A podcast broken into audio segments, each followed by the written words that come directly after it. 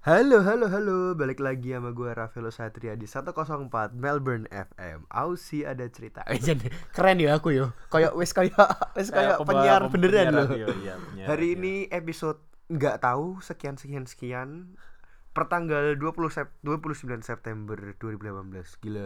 Udah mau September, udah mau Oktober Tahun ya coy ya. iya, Udah mau tahun baru. Oktober, lagi. November, Desember. Dua 2018 bulan, tiga bulan. selesai, Iya. 2019 welcome. Cepat sekali tahun ini. Hari ini saya apa ya? Perkenalan. Oh ya. Hari ini saya kedatangan tamu spesial. Wih, jadi Bukannya lu yang pertama tempat gua ya?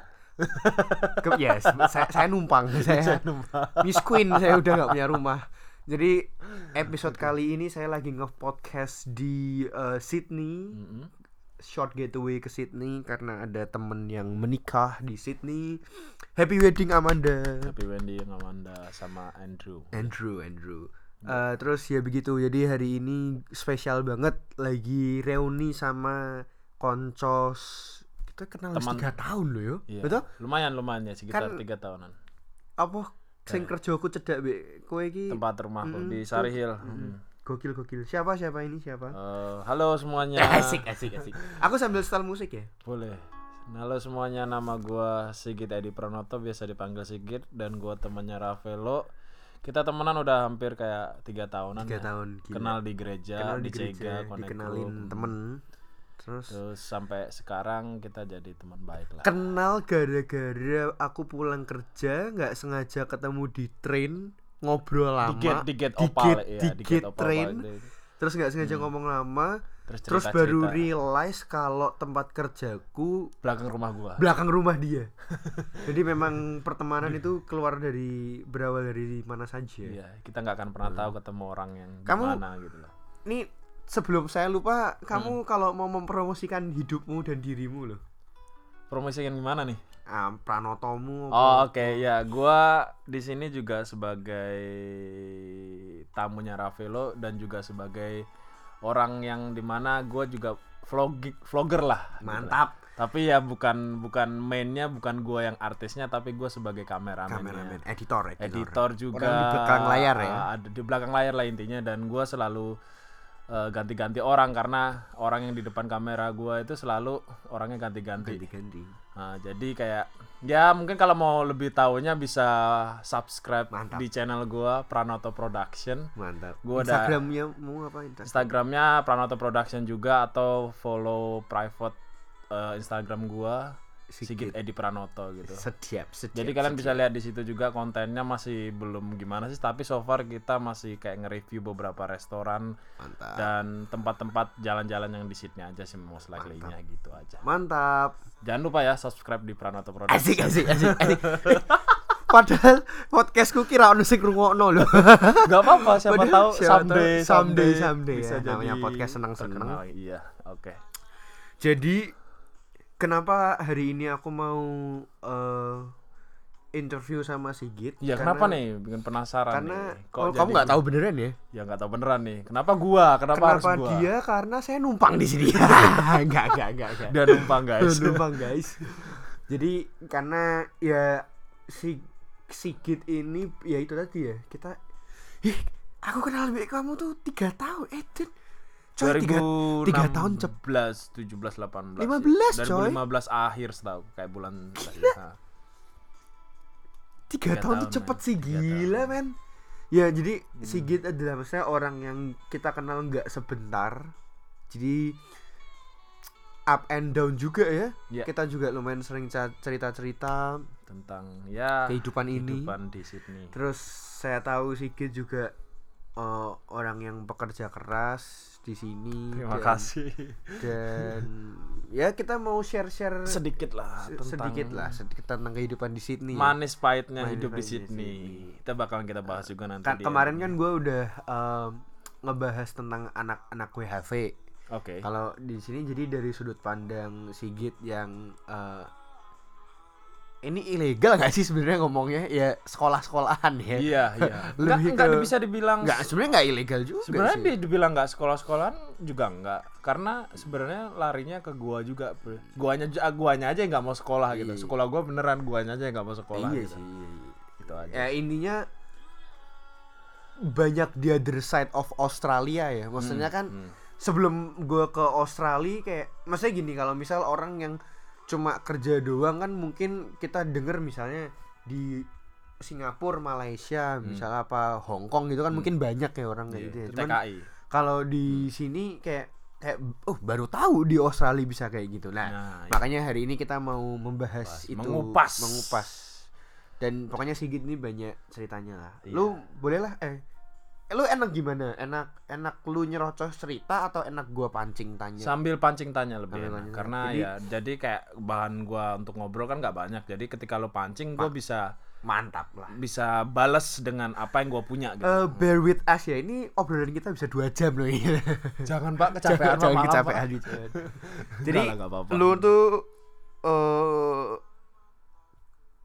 ah, Apa nih? mulai gua mulai dari gua mulai dari mana ya? Eh asal lu nama pekerjaan boleh boleh boleh boleh. Jadi lu tuh orang mana? Lu orang mana? gua aslinya lahir di Banyuwangi 14 Tepuk tangan. Mei 1992 Bupati ini sopo? Titip Pak- salam. eh, bupatinya Pak Answar Anas kalau denger Pak Allah lo Pak lo, Pak. tapi gua besar di Kalimantan Besar di Kalimantan. Terus ke sini tahun 2014. Gua ke sini aw- pas tanggal 28 Februari 2014. 2014. Besoknya langsung Maret. Oh, mantap mantap. Wak- Tentang Waktu itu untuk ngapain? Eh, tujuannya ke sini dulu, dulu untuk kuliah, ya. tapi pas sampai di sini kuliahnya disalahgunakan. Tapi tahu nggak waktu itu maksudnya? Eh, u- tahu, Maksudnya oh berarti pas lu mau kuliah tahu kalau emang nggak pengen kuliah. eh, pengen sebenarnya sepengen. Waktu awal beneran pengen Cuma kuliah. bukan jurusan yang waktu itu gua ambil gitu. Jadi kayak gua tahu tujuannya kuliah karena mahal di sini jadi gua ya ambil apa aja Hmm. and then terus kayak tahu juga bisa kerja tapi gua nggak imagine bisa kerja seperti yang sekarang Iya, seperti iya, sekarang iya, ini iya, kan iya. cuma taunya kan oh bisa kuliah sambil kerja terus kerjanya juga cuma ada limit 20 jam gitu loh. Ah, ah, Nah, ah. untuk yang nyeleweng-nyelewengnya itu kita nggak tahu gitu. Dalam arti nyeleweng itu banyak hal gitu loh. Aha. Gitu. Terus waktu itu literally kerjaan pertama lu apa waktu itu? Gua kerjaan pertama setelah sampai di Sydney itu kayak tiga hari kemudian diajak temen jalan-jalan muter-muter Sydney kayak Opera House, Darling Harbour begitu. At the end kita sampai di sebuah restoran Indo. Boleh sebut brand nggak? Atau Boleh lah. Oh, Kita... kita ada yang mau denger pak. Gak ada yang mau denger podcast saya. kita ke ke restoran Shalom kalau tahu di daerah Sussex Street di City and then baca me- apa namanya? Ini ya Indopost. Indopost lah, Indomedia begitu, terus Majalah ada, itu toh? ya majalah, terus kalau nggak salah di situ ada site apa salah satu Iklan. halaman iklan. Cari cari kitchen Gue nggak pernah gue nggak pernah perhatiin Nah, loh. cari kerja cari pekerja gitu loh cari kitchen hand waktu itu. Dan di pikiran gua sebagai orang yang baru datang dan nggak tahu kayak gimana sih kerja di Australia itu taunya kitchen hand ya cuci piring biasa kayak di Indo lah kayak kita cuci piring habis makan cuci gitu terus coba telepon and then langsung disuruh datang besok pagi eh besok sore buat training gitu Di mana? di daerah City juga sih dekat KVB Restoran Indo. restoran Malay tepatnya restoran Malay boleh sebut merek gak? Apa sih ini? Sedap. Eh, bukan si Jimmy Recipe kalau nggak salah Apa kui? Nggak ada, tahu ada aku. di salah satu restoran Pernah gitu. kerja di situ. pernah maksudnya Oh. pernah training doang and then gua baru di situ tahu gimana kerasnya hidup di Sydney dan singkat cerita besoknya gua datang buat training and then kayak waktu itu kan restoran itu cuma buka jam office hour Mm-mm. jadi kayak dari 9.05. pagi dari pagi sampai sore gitu doang lunch sama habis malam dia nggak buka buat dinner jadi itu pas kebetulan lagi ini lagi closing Hmm. jadi kitchen hand tuh gua akuin pekerjaannya luar biasa. Gua salut sama kitchen hand yang sampai sekarang bisa Ngangkutin bertahan. sampah-sampah. ya seperti itu. Jadi kayak waktu closing kitchen itu itu bener-bener pekerjaan yang bisa dibilang saat di mana kitchen hand itu nggak nung- nggak mau kerjaan itu. Karena begitu banyak cucian piring kotor semua panci apa yang ada tuh chef bisanya oh kasih ini ini cuci ini ini ini, bu ini cuci semua cuci taruh ini sana sana sana. Dan itu bener-bener sebagai orang yang baru pertama kali kerja tuh ngerasa tuh kayak hidup tuh seperti Bersyukur lah yo. shit man bukan Oh. bukan dalam arti kayak shit man harus se- segininya kah gua kerja cari Iya, duit iya, iya. anggapannya yang ya bisa dibilang 11 12 dolar per hours gitu. Dan itu training, ternyata gua nggak digaji. Setelah selesai semuanya gua kerjain, bosnya datang nyamperin gua. Kayak bilang, "Oke. Lu lambat tapi. Lu telat, lu lambat." Tapi versi bahasa Malay. "Ya, lu telat, lu lambat gitu. Kayak bilang ke gua kalau gua kerjanya tuh slow, terlalu pelan, terlalu apa mereka sampai butuh teriak-teriak. Terus saya bilang ke ownernya, I'm sorry sir, gue bilang ini kerjaan pertama gue baru datang gitu loh. Gua nggak pernah ngelakuin hal kitchen hand karena di sini kan semuanya pakai mesin, air panas, Iya, iya, panas iya. terus habis itu naik semua. Pokoknya iya, semuanya iya. serba modern. Tapi justru karena modernisasi itulah gue jadi bingung gitu loh. Karena mereka jelasinnya cepet banget gitu. Apa-apa kita di push untuk cepat mengerti di sini. Jadi di situ salah satu yang bisa membuat gue sadar kalau hidup di Indonesia awalnya itu jauh lebih enak daripada ada tinggal di Sydney. Terus terakhir-terakhir dibilang telat, dibilang lambat, terus ya habis itu kayak nanti kalau kita butuh kita kasih kabar ya gitu loh. Terus dikasih nasi sama kari habis itu. Karena sudah saking kesel, saking capeknya pulang gua buang nasi sama itu. Udah gak mikir karena harga diri kita tuh bukan dihargai cuma sekedar nasi sama kari. Pak. Aku mikirnya di situ gitu loh. Makanya dari situ kayak ngerasa wah benci banget. Habis itu nggak lama malamnya ownernya chat SMS gitu. Can you come tomorrow Dan untuk kerja gitu. Dan aku bilang sorry, gue udah dapat kerjaan. Padahal nggak ada kerjaan. Iya. Dan gue nekat itu. Karena jujur gue waktu itu masih nganggap harga diri gue tuh lebih tinggi daripada diinjak-injak orang seperti itu. gitu. Hmm. Makanya dari situ gue salut sama kitchen hand kitchen hand yang sekarang di Sydney itu itu mereka luar biasa. Karena pernah di Tapi kan berarti itu Hah. ker- itu belum kerja dong berarti. Belum kerja baru Kalau yang beneran kerjaan pertama lu apa? Eh beneran kerja pertama setelah itu kebetulan ada temen yang bisa dibilang temennya temen ya gitu loh dikenalin waktu itu Bisa aku kenal nggak? Nggak. Nggak. Ketemu temennya temen dia tanya Sigit bisa nyetir nggak? Bisa bilang gitu. Karena ah, jujur gue dari Indo memang seneng nyetir mobil ya sering bawa mobil dari Indo. Kebetulan pas di sini ditanya lu bisa nyetir nggak? Bisa bilang. Punya sim nggak? Punya sim sim mobil kan. Terus ditanya pernah nyupir truk nggak? Dari situ kayak aku ngerasa kayak di sinilah satu poin gua.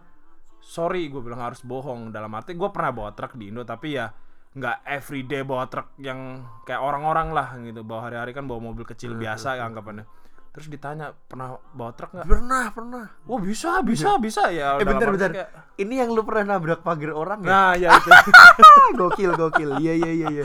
ya dia, kayak singkat cerita kayak orang itu nawarin pernah bawa truk nggak ya bilang pernah aja padahal jujur kepikiran nyopir di Australia itu nggak karena di luar negeri men. Lu nyetir kayak kita nggak tahu rule-nya gimana pakai bahasa Inggris lah. Dan jujur bahasa Inggris gue bisa dibilang cetek banget gitu loh. Nggak ngerti gitu loh kok gue bisa nyetir gitu loh. Tapi mereka bilang oh nggak apa-apa nanti kita ajarin gitu loh. Nanti kita dikasih tahu ini segala macam. Ya udah gitu. Tapi itu kerjaan pertama terus kerjaannya removal. Jadi kayak bantu orang pindahan rumah gitu. gajinya lumayan kalau kayak yang rumah biasa gampang gitu 22,5 Hmm. tapi kalau yang rumahnya tingkat 3 begitu-gitu gajinya sampai 25 gitu Itu cash. eh ah, dia minta 20 jamnya pakai Transfer ta- terus teks ya terus yang sisanya ya jadi- segitulah seatnya tuh begitulah FYI, gue pernah jelasin ini sih, tapi gue jelasin lagi Nah. lah. Jadi kerja di Sydney itu buat student yang legal ya, itu cuma boleh 20 jam. Hmm. Di sebenarnya, jadi talking about pajak tuh sebenarnya nggak melulu dipotong pajak sih. Jadi Hmm. pajak di Sydney itu, gue lupa angkanya berapa, tapi intinya pajak di Sydney itu per tahun Juli ke Juli, Hmm. kalau lu nggak lebih dari 20 ribu ya. 20 20 sampai 22 ribu 20 sampai 22 ribu ya lu nggak dipotong pajak. Jadi maksudnya tuh lu lu tetap bayar pajak tetap bayar pajak tapi, tapi bakal bisa balik. balik Ntar bisa semua balik. pajaknya. Dan lu harus punya TFN namanya. Apa? Tax N-. NPWP. Iya toh? Eh, Iya toh? NPWP ya, Ya, lebih ke NPWP. TFN tuh NPWP. Terus nah, tapi ya itu tadi another side of Sydney kayak banyak juga kerjaan yang yang, yang ya lu cash on hand, cash on hand gitu. Dan ya gitu tadi kayak lu mungkin 20 jamnya dibayar secara teks secara teks tapi terus abis itu Lebihnya- dikasih. Tapi nggak semua tempat bisa gitu sih. Ya nggak semua tempat. Itu semua terus tempat begitu. Itu sorry tadi gua potong. Eh, tapi lu ada mau cerita lagi atau? Udah itu aja gitu. maksudnya kita kerjaan Tapi- pertama itu. gua potong jadi eh, gue jangan nyebut merek kalau yang ini lah ya. Cuman eh lu ambil sekolah apa waktu itu dan kayak uang sekolah sekitar berapa? Eh intinya dulu waktu ke agent kita memang ngobrol gitu loh ngomong gimana kayak butuhnya kita apa ke Australia. Karena waktu itu jujur ngurus visa lebih gampang daripada tahun sekarang yang tahun 2018 ini, Ini maksudnya ya. tuh masih bisa di akal-akalin lah. Hmm. dalam arti kayak oh lu mau sekolah apa ini apa? Sekolah yang mana? Mau murah mau mahal semua ada gitu loh jadi karena gua biayain sekolah sendiri biayain ke Australia juga usaha sendiri sampai minjam uang dengan orang lain gitu loh. Jadi gua jujur untuk pertama ke sini itu modal nol jadi gua cari yang murah gitu loh. Pokoknya sekolah murah bisa banyak kerjanya anggapannya bisa banyak waktu luangnya lah bukan banyak kerjanya banyak waktu luangnya jadi ada kesempatan untuk kerja gitu loh. Jadi ya kisaran per temnya itu per tiga bulan ya sekitar 1300-an jadi kayak per semester sekitar Eh, 2600 ya. Per berarti itu setahun? Enggak per enam bulan. Per enam bulan? Per semester ya per semester. Dan kamu berarti dua tahun? Waktu itu datang pertama dapat dua tahun dua itu tahun di, bisa. diploma ya? Ambil advance diploma kalau nggak salah. diploma. eh advance diploma tapi kita cuma waktu itu karena peraturannya berubah cuma kita sampai diploma doang. Jadi pindah sekolah ya? Enggak. Enggak enggak. Jadi diploma kita diperpanjang CEO-nya diperpanjang diganti jadi diplomanya advance diplomanya nggak dapat gitu oh iya yang ngerti subjeknya ngerti, ngerti, ditambah lah atau apa Ngerti, gitu nggak tahu ngerti, kenapa ngerti, gitu ngerti, ngerti. in the middle of kayak journey-nya gitu lah perjalanan Mantap, mantap. gitu Woi, terus tapi sekarang udah jadi bos lah ya. amin Ah, ya Allah, amin bos, Tuhan amin amin Terus- amin amin Hah. Apalagi setelah tadi dari apa angkot-angkot terus Iya, ingat nggak pekerjaan keduamu?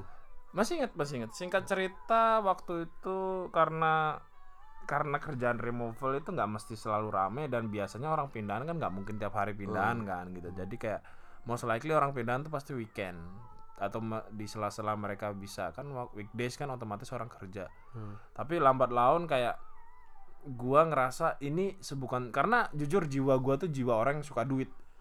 Di mana gua tuh kayak seminggu punya target. Gua targetin diri gua anggapannya minggu pertama kali datang gua target seminggu 700.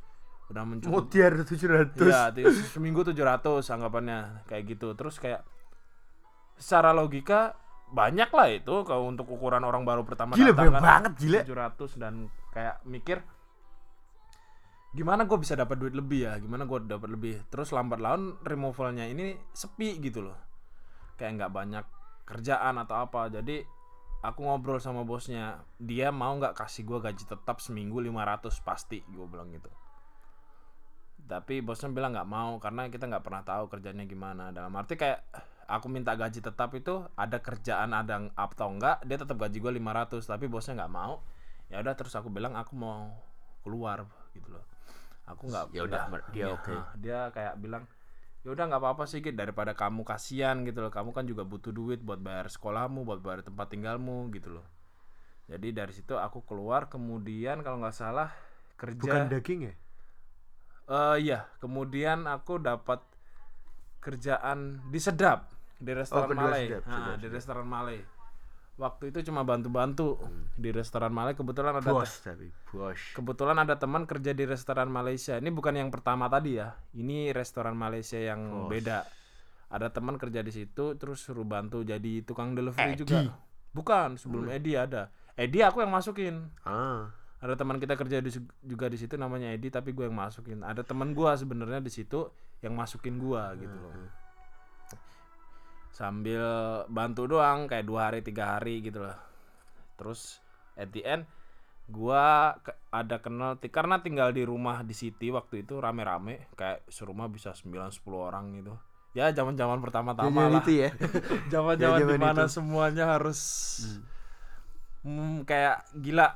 Lu kalau tinggal di sini pasti bukan hal hal baru sih gitu. Jadi kayak tinggal rame-rame di sini ada salah satu orang cici-cici gitu dia kayak eh punya uncle gitu. Dia di sini punya usaha daging gitu terus dia bilang kayak eh uncle-nya ini baru merintis buka eh, usaha di Sydney gitu loh. Kamu mau nggak bantuin gitu? Ya udah aku suruh datang ke office-nya interview. Kayak gitu at the end diterima gitu. Hmm. Tapi puji Tuhan itu di di situlah start karirku itu mulai Mantap, naik gitu lah, anggapannya mulai naik. Di sisi lain gua kerja di di restoran Malay itu cash.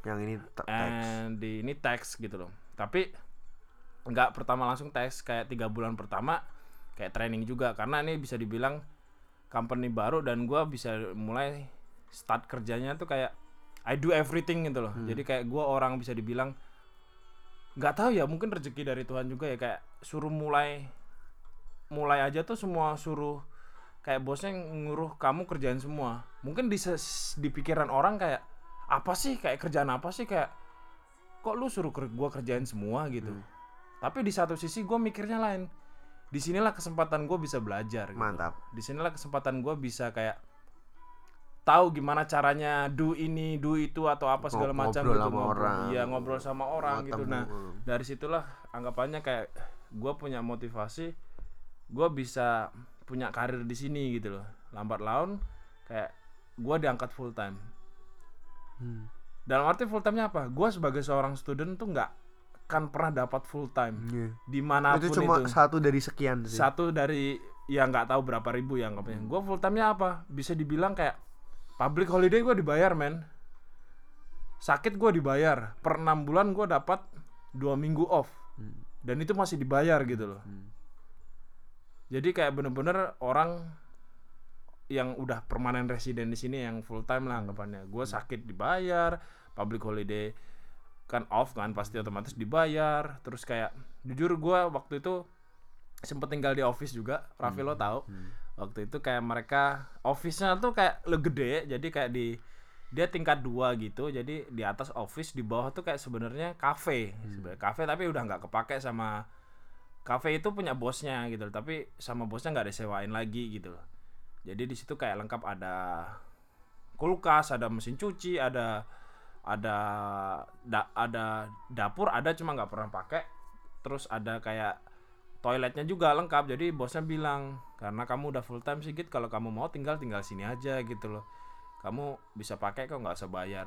Wah dalam arti di Sydney men kapan lagi cari tempat tinggal gratis? Sedangkan waktu itu kalau nggak at least kamu harus bayar buat rent itu aja sekitar 120 itu aja tinggal rame-rame. Yang mending tinggal sendiri gratis, dong Gratis. gitu loh. Mantap. nggak kerja tinggal naik ke atas kamu kamu kayak gitu. Dari situ kayak berkat Tuhan mulai jalan terus gitu Amin. kerjaan di sedap juga jalan terus dari Itu situ belum punya mobil ya? belum nah puji Tuhannya juga kerja di daging itu di company supplier daging itu aku dikasih mobil Oh iya iya ya iya. iya. dikasih mobil inventaris gitu Kan loh kita jalan-jalan ya. Eh, iya iya iya pakai kan kita jalan-jalan. iya, dikasih mobil inventaris city car gitu lah jadi kayak berkat Tuhan dari situ luar biasa Iya dan iya iya iya iya. waktu itu juga bosnya sempet ada ngomong kepikiran buat kasih sponsorship gitu loh.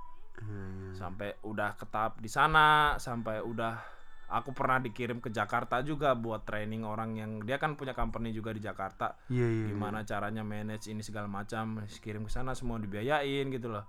Terus juga gua dibikinin SIM Australia sama mereka. Jadi aku jujur sekarang meskipun student punya full license-nya Australia anggapannya di Indonesia. Oh itu tuh dari dia. karena waktu itu kan mau disponsorin. Jadi kayak Oh alah, baru supaya tahu dok- aku. dokumennya kuat ya suruh aja bikin SIM gitu loh. Kok baru tahu lu? jadi kayak dibik suruh suruh tes tes SIM. Aku kan waktu itu kayak ngerasa bikin SIM di Australia itu susah nggak percaya diri atau apa. Tapi bosku bilang lu mau bikin nggak? Lu mau gua sponsorin nggak? Digituin gitu loh. Dari situlah gue punya tekad wah dibayarin anyway gagal ya gue bayar lah dibayarin juga gitu loh. Jadi kayak berjuang bikin SIM di Australia itu bisa dibilang mudah-mudah gampang-gampang atau susah-susah sih tergantung orang yang jalan. Tapi puji Tuhan kayak semua waktu itu tes tertulisnya cuma dua kali and then tes nyetirnya sekali lulus semua gitu. Kalau jadi jadi kalau bikin wah ini sedih ya kalau ngomongin SIM tuh. Uh, gua nggak tahu sih ya kayak buat pendengar-pendengar yang orang Indo kayak katanya kan mungkin gara-gara Jokowi sekarang buat SIM jadi jujur ya sekarang kayak jadi susah lagi ya katanya kan. Eh, kemarin waktu kebetulan sempat pulang ke Indonesia untuk sekarang bikin SIM di Indo itu susahnya kita harus ngelakuin tesnya gitu loh tesnya tes misalnya tes bawa motor tes bawa mobil tes tertulis juga gitu kalau dulu kan kita bisa Oh, ya iya, bisa iya, dibilang iya, main belakang kan Oh, oh. sekarang udah nggak bisa meskipun jujur aku punya temen di Polres Hmm. Misalnya kayak di tempat gua di Banyuwangi Hmm, mereka nggak mau. Karena apa? Kalau ketahuan nerima suap mereka bakalan dipecat. Tuh, bagus dong. ya bagus. Cuma susah buat kita. Iya iya. Tapi maksudnya ah, maksudnya gue sih setuju banget kalau tapi itu bagus bagus maksudnya karena wah guys bener-bener ya. Maksudnya gue ngelihat perjuangan temen-temen gue dapetin sim di sini tuh legit. Oh. Kayak kayak men ada dua sisi dunia yang berbeda yang sa- mohon sorry ya ini mohon sorry ya. Gue inget banget eh sim tuh Indo 17 18 sih? 18 18 18 kan? Eh. Apa 17 lupa ya? aku.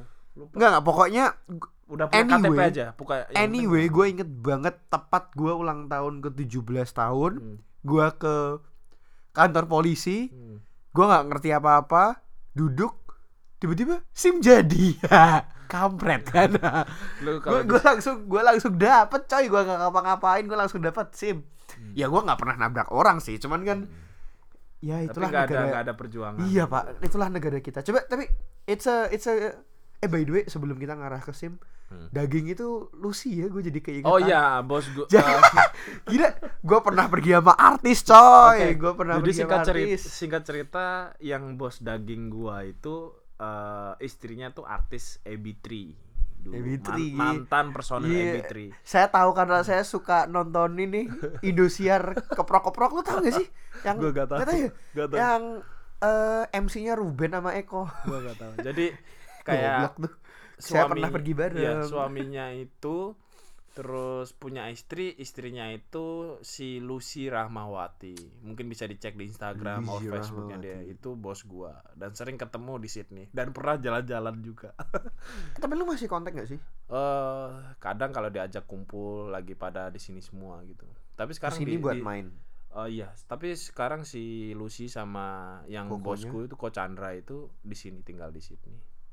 Sela PR emang PR ya? Ko Chandranya PR. Jadi bawa si Lucy buat PR gitu. Ah. Dan mereka punya properti banyak Mun. tapi Dengar- maksudnya di, di sini ngapain ya emang punya kerjaan lain juga ya karena Ko Chandra kan bisnisnya kan mainnya setelah daging itu tutup ya. Hmm. Dia tetap punya bisnis daging di Indonesia. Jadi dia ceritanya tuh ekspor ya kalau dari Australia. Ke Buat Indo, dapetin- ke Indo. Oh, ekspor, ekspor. ke Indo ekspor ke Indo daging gitu terus dia juga punya usaha timber gitu di sini di Semarang. Oh Semarang Semarang. Lu berarti di sini ongkang-ongkang untuk duit? Iya. Jadi intinya dulu Kampret. si bosku itu kayak sekolah di sini ngambil IT kalau nggak salah. Terus dia dapat PR pulang ke Indonesia buka usaha. Tapi dia terus sering bolak-balik. Terus dia dapat invest apa dapat uang dari Indo dia kirim ke sini buat investasi gitu investasi di sini dan denger-dengar dia punya properti itu sekitar 9 hmm, mati 9 rumah. Dan lu bayangin hitung aja harga rumah di sini tuh minimal tuh satu juta dolar tuh paling murah loh. Itu kalau dapat gitu. Satu point something. Kalau 9 ya 10 juta ke atas lah harta dia di sini. tapi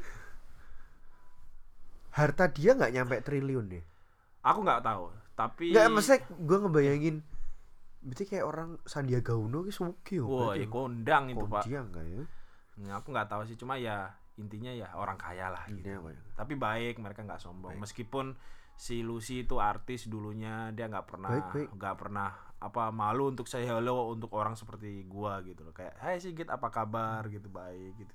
Kok Chandranya juga gitu. Gila, gue inget tuh pernah pergi. Eh ya, tadi Oke. menarik tuh tadi eh, apa namanya? Coba dong ceritain proses. Jadi mungkin buat pendengar podcast gue yang nanti mungkin sambungin ke Uber kali ya. Lu tuh Iya, boleh, abis boleh, boleh. daging apa? Nah. Uber nggak sih? Nah, ceritanya kan aku udah punya SIM Australia. Enggak enggak lu makanya lu jelasin dulu Hmm. gimana sih step by step dapetin Nah, SIM di dan- Australia. Jadi mungkin buat Oke. pendengar gua yang kepikiran pengen punya SIM gitu. pengen punya SIM SIM di Australia. Australia. Sebenarnya student Indonesia itu boleh pakai SIM Indo nyetir di sini. Hmm. Boleh dibilang SIM Aussie itu ya cuma buat Uber doang ya. Ya nggak sih? Hmm, kalau kalian udah permanen resident or Ya nggak. Iya iya kan kalau kalau harus kalau PR atau citizen harus punya itu. Cuman kalau student kan nggak usah kan. nggak Maksudnya nggak diwajibkan. cuman ini mungkin sorry cerita kita agak lompat-lompat ya. Cuman sekedar memberitahu kalau mau kerja Uber driver di Australia itu sangat menguntungkan tapi Sangat sangat menguntungkan. Jadi kalau lu iseng pengen tapi untuk kerja Uber di Australia itu syaratnya harus punya SIM full license Australia minimal setahun. minimal setahun. Jadi siapa tahu pendengar gua ada yang masih umur 17 18 baru mau ke Australia Hmm.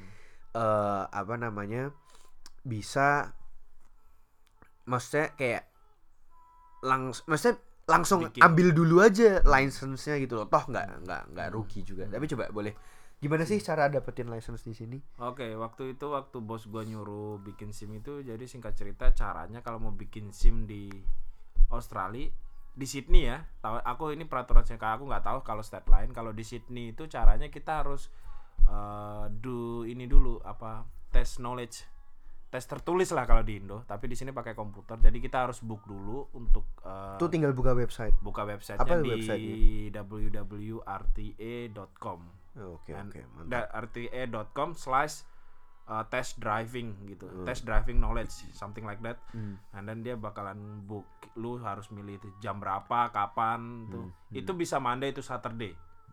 Kalau untuk test knowledge ya Monday itu Saturday and then kalau kita pas kita bakalan wah kita harus bayar sekitar 48 dolar waktu zaman gua ya. Nggak tahu sekarang 48 dolar buat tes. Buat tes. Tertulis. Tertulis Huh, itu tes larang bosku. Nah, setelah kita itu kalau nggak salah sekitar ada 45 soal bahasa Inggris tapi pilihan ganda. ABC gitu. gampang lah yo gampang. Nah, tapi sebenarnya di tes it- itu pilihan bahasanya tuh banyak. Kayak ada bahasa Inggris salah satunya, terus bahasa Vietnam, bahasa Cina, bahasa Thailand dan anehnya nggak ada bahasa Indonesia gitu loh. nggak ada lah Nah, makanya itu cuma bahasa lain ada. Jadi selain bahasa Inggris ada bahasa lain, bahasa Mandarin juga ada gitu. loh. Kalau kalian bisa Cing cong cong. ya gitu. Tapi gua waktu itu milih bahasa Inggris dan 45 soal bahas 45 soal ABC minimal aku bukan bilang minimal salah satu ya tapi tergantung bobot pertanyaannya gitu loh jadi ada pertanyaan yang di mana lu nggak boleh salah sama sekali poinnya misalnya kayak rambu-rambu atau kayak tapi lalu- gampang lah ya harusnya kalau rambu-rambu apa contoh Ah, pertanyaannya apa Contoh sih pertanyaannya kayak kalau kamu mau belok kanan, kamu harus ngambil side yang mana? Misalnya ada tiga Ya kanan lah. gitu. Ya gitu, maksudnya kayak, gitu atau ya, kadang kadang pertanyaannya menjebak gitu lah. Kebanyakan sih pertanyaannya menjebak gitu. loh. Kalau di di depan ada eh, ambulan gitu, Hmm. apa yang dari belakangmu ada ambulan, apa yang kamu harus lakukan? Tetap di jalurmu atau kamu misalnya yang pilihannya A tetap di jalurmu, yang B kamu ngebut, yang C kamu minggir gitu. Otomatis yang minggir dong kalau ya itu secara logika ya kayak gitulah gitu. Heeh. Ya macam kayak gitulah ada 45 soal. terus minimal harus dapat berapa minimal tergantung bobot pertanyaannya gitu. Kalau memang rambu-rambu itu fatal, kamu nggak boleh salah ah gitu loh. Jadi dari 45 soal itu misalnya ada satu pertanyaan yang benar-benar itu kamu harus bener. Kalau kamu jawab salah layarnya langsung kayak bilang "Eh, kamu selesai gitu. Instrukturmu bakal datang 48 dolarmu hilang hilang gitu. Astaga waktu itu aku uh, sempat gagal satu kali karena mungkin ada pertanyaan yang bobotnya nggak boleh salah jadi ketika salah satu langsung selesai gitu loh Wah ini gue baru tahu nih. Nah, ini langsung selesai tahu. terus ya nanti instrukturnya datang bilang ngecek hasilnya kita oh ternyata kita fail tapi ditawarin lagi kamu mau coba lagi nggak tapi kita bayar 48 dolar lagi gitu loh, di tempat. di tempat Oh, Pakai oke kartu oke. gitu. Ya intinya jebret sel- eh, a- apa ke jenenge? Tertulis udah selesai Terus terus selesai kalau kita misalnya lolos. pertama langsung lolos kita langsung ditawarin tes driving kapan mau booknya Hmm. misalnya kita nggak siap kalau kita nggak siap kita langsung dikasih L learner Hmm. itu Itu tapi Kak, kamu ngambil enggak dulu? aku ngambil L dulu Ah, karena aku waktu itu nggak tahu kan kapan harus ngambil tesnya Hmm. jadi aku belum siap Hmm. gitu nah kata ketik jadi kayak ada dua perbedaan Raf jadi kayak misalnya kita lulus tes knowledge Kayak aku ngerti maksudmu sih. lulus tes knowledge Bisa kita langsung bisa ambil. Hmm. ambil langsung tes driving tapi kita nggak dikasih L Langsung full license kan? enggak maksudnya kita ngambil tes driving tuh buat kapan dua minggu lagi gitu loh karena kalau kita nggak ngambil kita dikasih L dalam arti L itu boleh nyetir tapi nggak boleh nyetir sendiri harus ada orang di sampingnya yang Oh iya iya iya. tapi iya. kalau kita ngambil tes driving langsung kita Mhm. yakin instruk kayak petugasnya tuh kayak oh ya udah sementara kamu nunggu tes driving kamu boleh nyetir gitu aku nggak tahu itu peraturan kenapa kayak gitu tapi kalau ketika kamu nanti tes driving gagal kamu langsung dikasih L iya ngerti iya sih iya, maksudnya? Iya iya ngerti Nah, ngerti. jadi ngerti. waktu itu aku karena aku nggak yakin habis L. itu kayak langsung mau ngambilnya kapan aku ngambil L-nya dulu jadi aku langsung dikasih L Hmm. Siapa yang di sebelahmu? ada ya bosku itu yang ngantar aku bosku bukan Oh. bosku yang artis itu nggak tapi kayak Hmm. manajernya lah Hmm. gitu ngantar aku buat tes driving gitu Terus terus terus. ya udah aku ngambil L waktu itu sempat Sebulan. oh nggak sampai sebulan karena waktu itu aku langsung pengen bisa nyetir. Jadi kayak sebenarnya bisa nyetir cuma rule-nya gitu. Mhm. untuk untuk ngepas driving test itu kita harus tahu rule-nya kayak Hmm. gimana. Jadi waktu itu aku ada telepon ini kayak uh, driving school orang Indonesia Kotoni namanya. Nama company-nya Gracia. Itu rekomend banget dia ngajarin luar biasa bagus. Waktu itu ngajarin per jamnya 50 dolar jadi diajarin gitu. Kamu sempat les. sempet les. Walah. tapi waktu itu aku waktu telepon Kotoni itu dia tanya tujuan kamu buat belajar mengemudi ini apa? Aku bilang buat ujian. Oh kamu udah bisa nyetir? Udah. Udah dapat L? Udah. Ya jadi dia lebih fokus ngajarin aku tentang rule bukan ajaran tentang nyetir, Nyetir. gitu kecuali kalau kamu memang ngomong nggak kamu nggak bisa nyetir kamu bakal diajarin nyetir. Tapi kalau kamu fokusnya untuk tes dia lebih ke belajar ke rule-nya gimana belok gimana parking gimana kayak muter balik atau segala macam itu susah susah jelasin satu persatu mending kalian langsung tanya ke ahlinya deh gitu. Cuman coba jelasin singkat banget aja yang paling beda sama Indonesia apa? jadi Soalnya gini ya, Oh. gue tuh suka kesel sama orang yang eh ka- ya itu kalau lu mau ke kiri kan Hmm. lu tuh harus mulai tahu lu mau ke kiri makanya lu mulai ngambil jalur kiri kan. Hmm. Ke- kenyataannya di Indo kan orang sering motong. wah itu Ha, kan? bukan Cuman tuh maksud gue tuh di sini lu tuh maksud gue gini loh sebenarnya di Indo tuh aturan kayak gitu tuh ada tapi orang nggak nggak nurut gitu loh maksudnya hmm. Kayak- ngerti, ngerti, ngerti. makanya waktu itu kayak gue pernah bukan debat ya cuman maksudnya waktu itu gue pernah kayak kayak ada orang yang ngomong iya di Australia tuh kalau ke kanan lu harus ngambil kanan. Terus gue yang kayak lah di Indo juga gitu coy. Cuman mungkin lu aja yang nggak lu aja yang nggak taat aturan. Cuman ngerti gak sih maksud gue gitu loh Jadi kalau menurut gua sih ya ini bikin singkat aja ya. Sebenarnya aku nggak tahu ya peraturan di Indo tuh kayak oh Karena- bajingan nah ini waktu- harus takat ini Karena waktunya waktu ngambil SIM kan kita nggak tahu rule-nya seperti apa. Cuma kalau di Australia itu sebenarnya ini bikin bikin pendek aja. Peraturannya tuh kayak lebih lebih apa yang tertulis itu yang harus dipraktekin. Apa yang tertulis itu yang bakalan keluar di ujian nyetirnya sebenarnya kayak gitu. Nah, sebenarnya yang ujian knowledge itu yang tertulis di Australia itu itu sebenarnya semua peraturan yang bakalan keluar di driving testnya nanti gitu loh. Misalnya seperti kayak gimana kita caranya mau belok kiri gitu. Nah, kita mau belok kiri, kita harus telengok shoulder kita kayak kiri. Jangan kita ngeliat spion kayak satu detik, dua detik dong, saya kayak satu udah langsung pindah langsung lihat shoulder.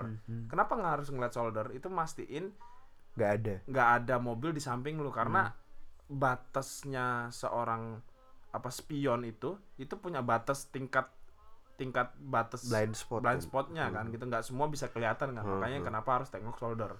Nah kalau kamu waktu tes driving nggak Nggak ne- nggak nengok, nengok itu kamu fail.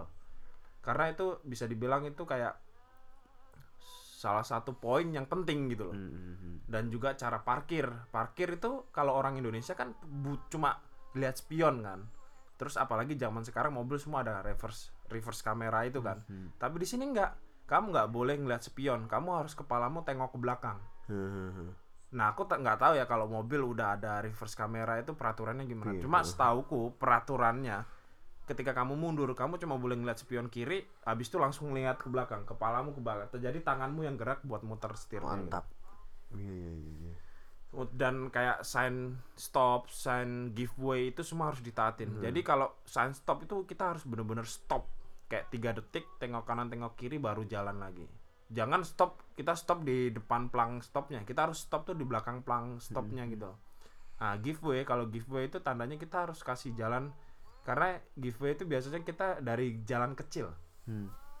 kita mau nyebrang ke masuk ke main road. Hmm. Nah, kita ka- ketika kita mau ke main roadnya itu pasti ada tulisannya giveaway. Nah, Hmm. ketika main roadnya masih banyak mobil, kita harus berhenti Hmm. hmm. giveaway dulu. Ketika main roadnya kosong baru kita masuk. Mantap. mantap. Sebenarnya sih kurang lebih kayak di Indonesia mungkin ya. Hmm. Tapi aku di Indonesia nggak juga nggak tahu peraturannya kayak gimana. Jadi menurutku di Australia peraturannya ya kayak gitu. Mungkin kurang lebih di Indonesia bakal Tapi seperti itu. tadi kamu berarti ya akhir tadi apa jadi cerita lagi setelah L L kalau kita kan kita orang Indonesia kan udah punya SIM Indo di sini. Heeh. Jadi kita bisa loncat dari L itu langsung ke full license. Jadi di Australia itu ada tingkatan ada tingkatannya sebenarnya coba kayak- dong jelasin dong Jadi kayak L, L itu learner. yang tadi di, harus didampingin Iya, orang tes tes knowledge itu kita dapat L. Nah, Hmm. sebenarnya nggak ada nggak ada nggak ada limitation buat L itu sampai berapa lama. Tergantung kita. Kita mau Siap. siapnya ngambil tes drivingnya sampai kapan gitu. Itu kalau nggak salah dikasih waktu SIM-nya lima tahun. Hmm. Jadi kita kalau udah siap ngambil tes driving, kalau kita tes drivingnya pas, tergantung kita punya SIM Indo atau SIM apa pun yang kalian pernah punya, kalian bisa ajukan ke pas pas eh, selesai tes driving itu dilihat nanti kayak history kalian udah berapa lama pegang SIM itu. Misalnya kayak SIM kayak contoh gua, gua udah pegang kayak lebih daripada tiga tahun. Jadi gua bisa loncat dari step L langsung ke full license. Hmm. Tapi kalau misalnya anggapannya kalian nggak punya pernah punya pengalaman nyetir dan kalian nggak pernah punya SIM, jadi dari proses itu dari L ke P merah. Hmm. Preme- P itu sebenarnya kayak lebih ke mereka bilang sih profesional driver lah kayak gitu. Hmm. Itu kayak dibilang di situlah tahap kalian untuk mencari jam terbang. Hmm. Dibilang kayak P merah itu kalian butuh waktu satu tahun untuk loncat lagi ke P hijau. Hmm. Jadi di P merah itu nanti bakalan kayak P merah tuh udah boleh nyetir sendiri. Boleh nyetir sendiri. setahun? Setahun. Tapi itu ada batas kecepatan. Setauku 90 Hmm, misalnya Males kalian banget. misalnya kalian di tol dan kecepatannya di tol itu kayak 110 kalian cuma boleh 90 paling mentok. Hmm. itu paling mentok. Dan itu yang ini enggak sih? Kita harus isi logbook ya? Eh, itu ya? dulu. Itu Sekarang dulu. udah enggak? sekarang udah enggak jadi sekarang kalian cukup cukup harus bertahan P-nya. 90 P-nya nggak dicabut aja karena kan P itu juga pakai poin. Hmm. pakai ya kalau kalian ketilang atau apa kan pasti nanti Ngulangin. ada masalah kan. Cukup cukup tahanin sama setahun. Setahun selesai nanti kalian datang lagi ke RTE buat ngambil P hijau. P hijau P hijau itu? P hijau itu sama tapi? sama ya sama kayak P merah. Cuma kalian cuma butuh waktu enam bulan buat dapat SIM full license.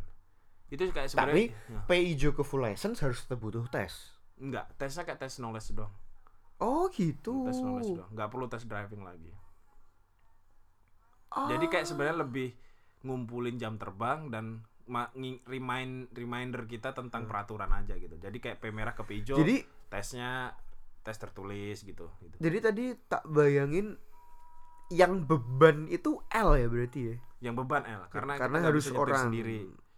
Dan ah gila ingat ya kalau berguna juga podcast gue gue baru gue baru gue iya iya dan iya. L P merah P hijau tuh kalian harus tempel tulisan itu di, Di depan mobil. depan belakang mobil, kalian.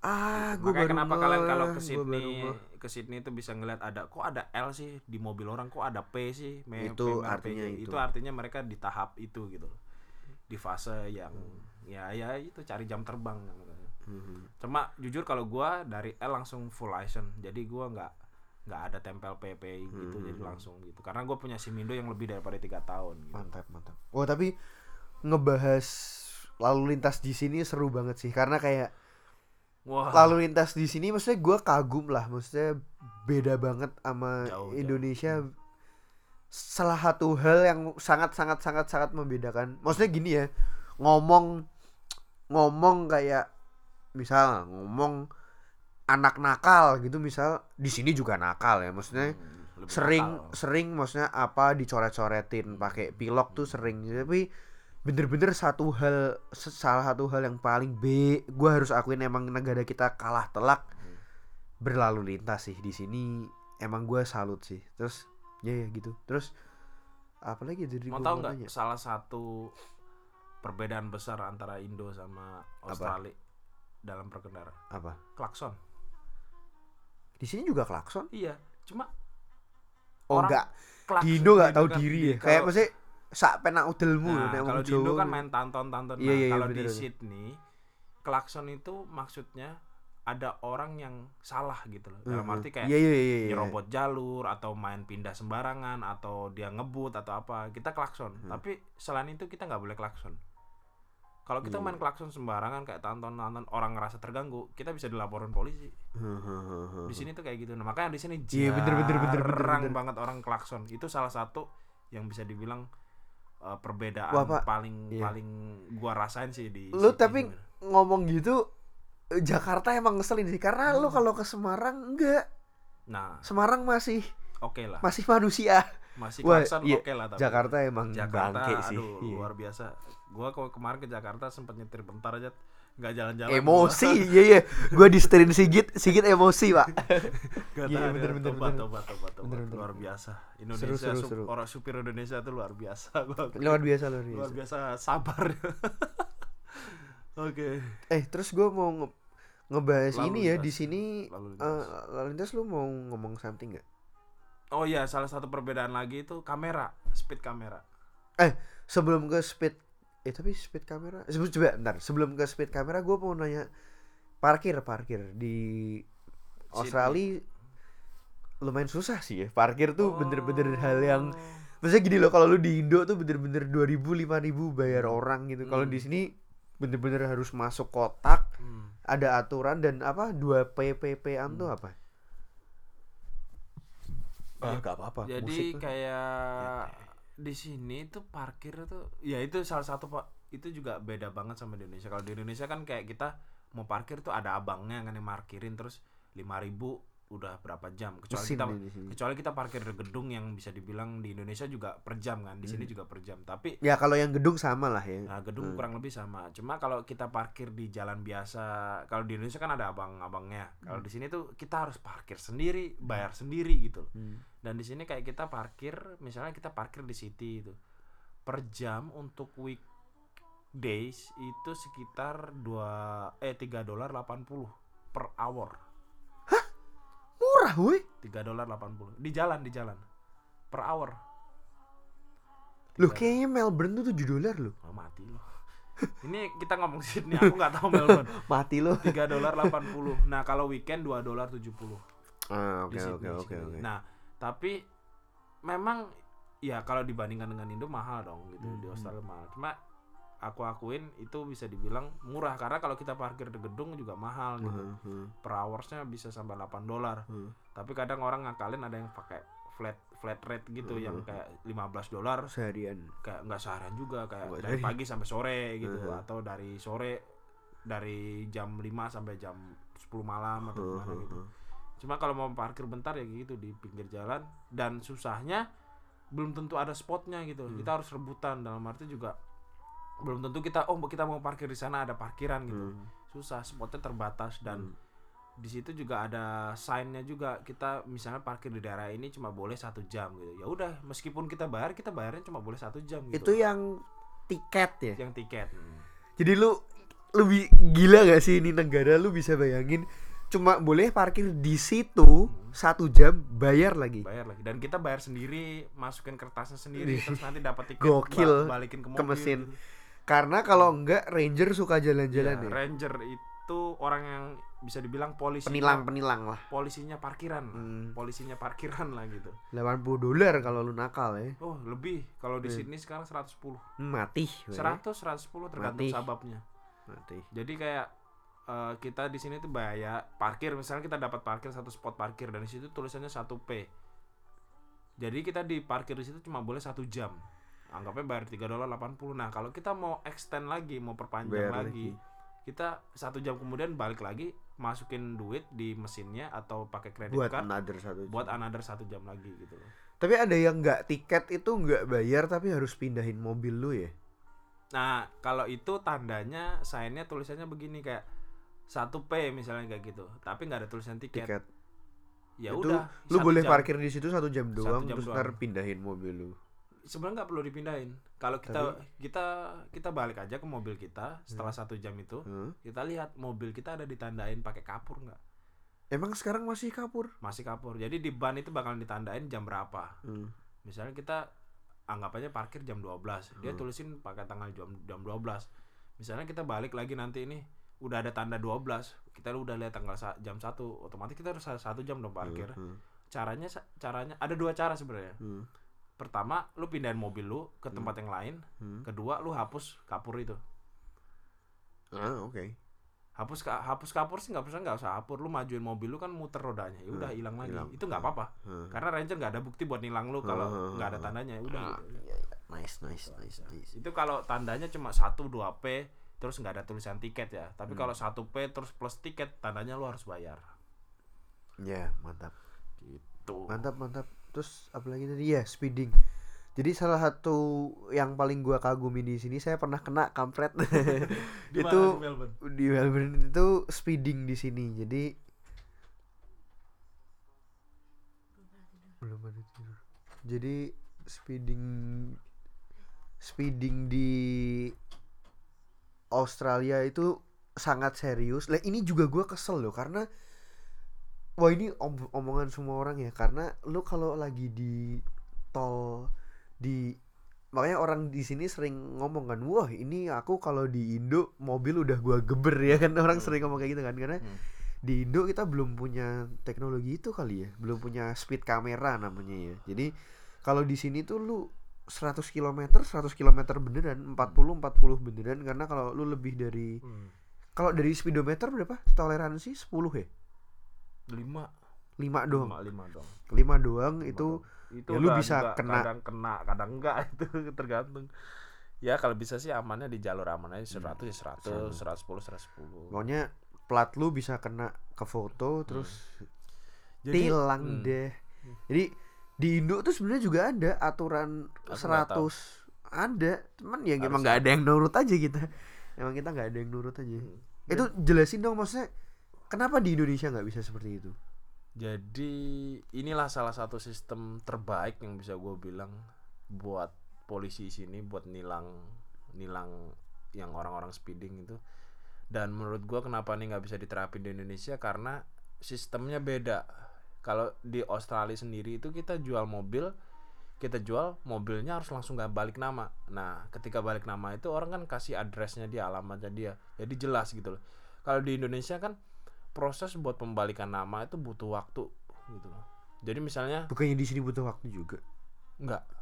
Dalam arti misalnya aku mau jelasin secara simpel ya. Jadi kayak di Indonesia kan kita misalnya gue punya mobil nih, terus Rafaelo beli.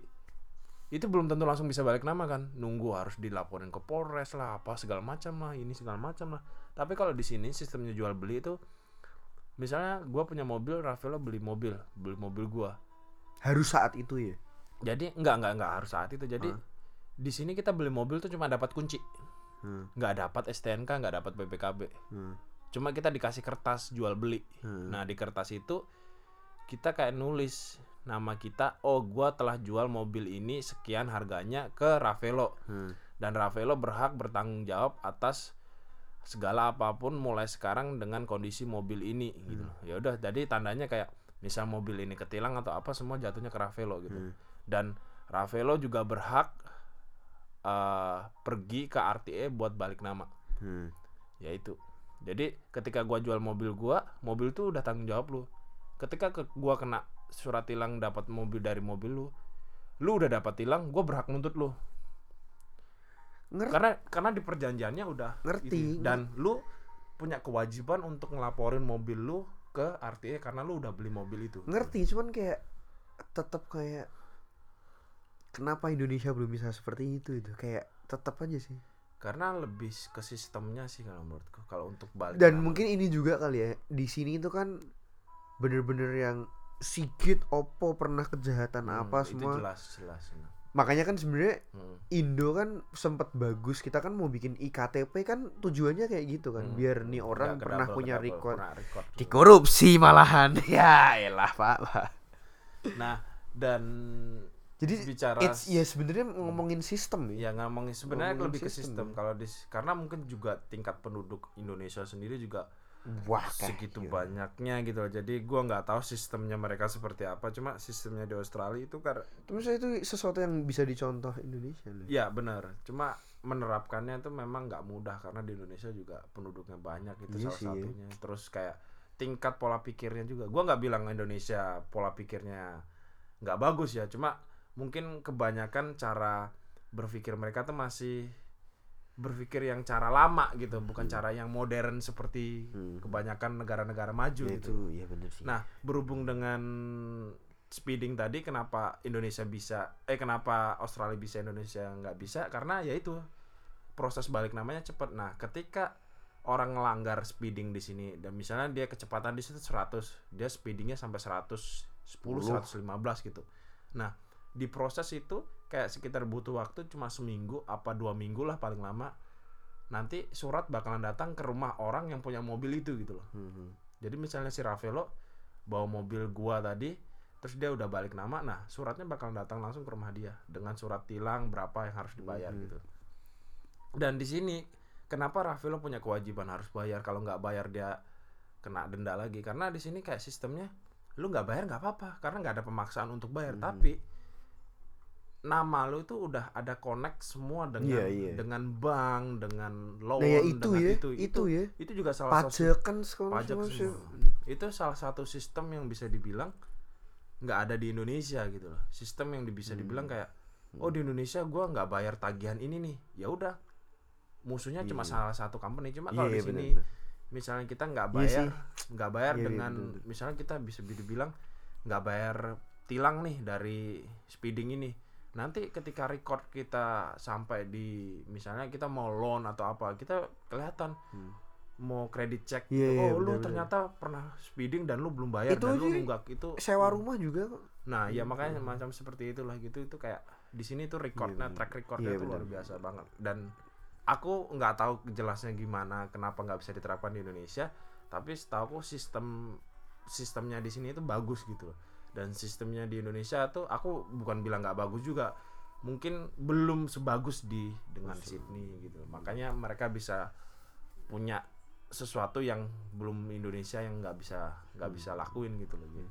speeding itu Nice, gitu. nice. Eh ini nggak nyambung dikit.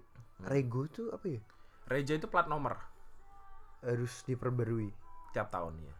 Larang Ya. sih sana. Jadi Rejo itu sebenarnya tuh kayak identitas mobilmu. Heeh. Itu kayak di Indonesia tuh kayak penggabungan antara BPKB, STNK di Rejo itu. Nah, Rejo itu sebenarnya di sini tuh cuma plat nomor. Udah, itu ada sih dulu ya.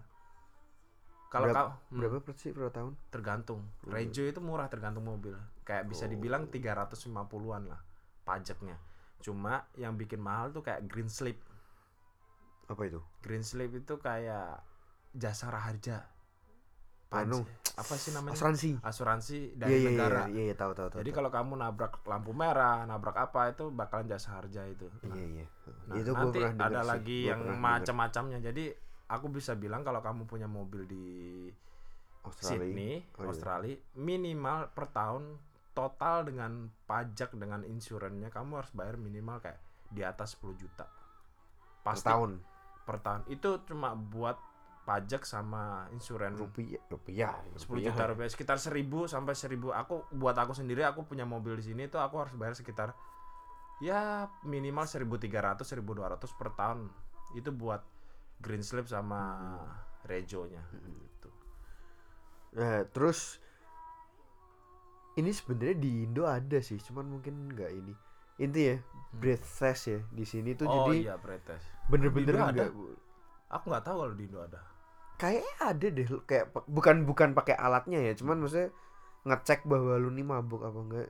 Tapi itu kalau ini emang negara bule Hmm. parah sih. Maksudnya ke- Hmm. karena kejadian lu mabuk nyetir nabrak orang tuh di negara kayak US, Australia itu emang parah banget. Jadi makanya di sini ketat banget kalau lu sebenarnya peraturan baru kalau lu mau minum jangan nyetir at all ya. Pasti. Lagi gitu karena jadi di sini itu lu bisa kena random Cek. cek ada alat kayak kayak ini ya vape ya alatnya kayak gitu kan Eh, lumayan bentuknya lumayan kayak itu gitu buat tes sih?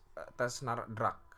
Yang kayak vape itu kayak tes drug. oh yang itu abi ya Kalau yang tes Alkohol? bread itu cuma kita suruh ngitung 1 sampai 10. Nah, lah yang 0,0 tahunnya dari mana ketika kita ng- ngomong 1 2 3 itu udah bunyi, berarti ka- kadar alkohol Oh, tapi- berapa persen gitu.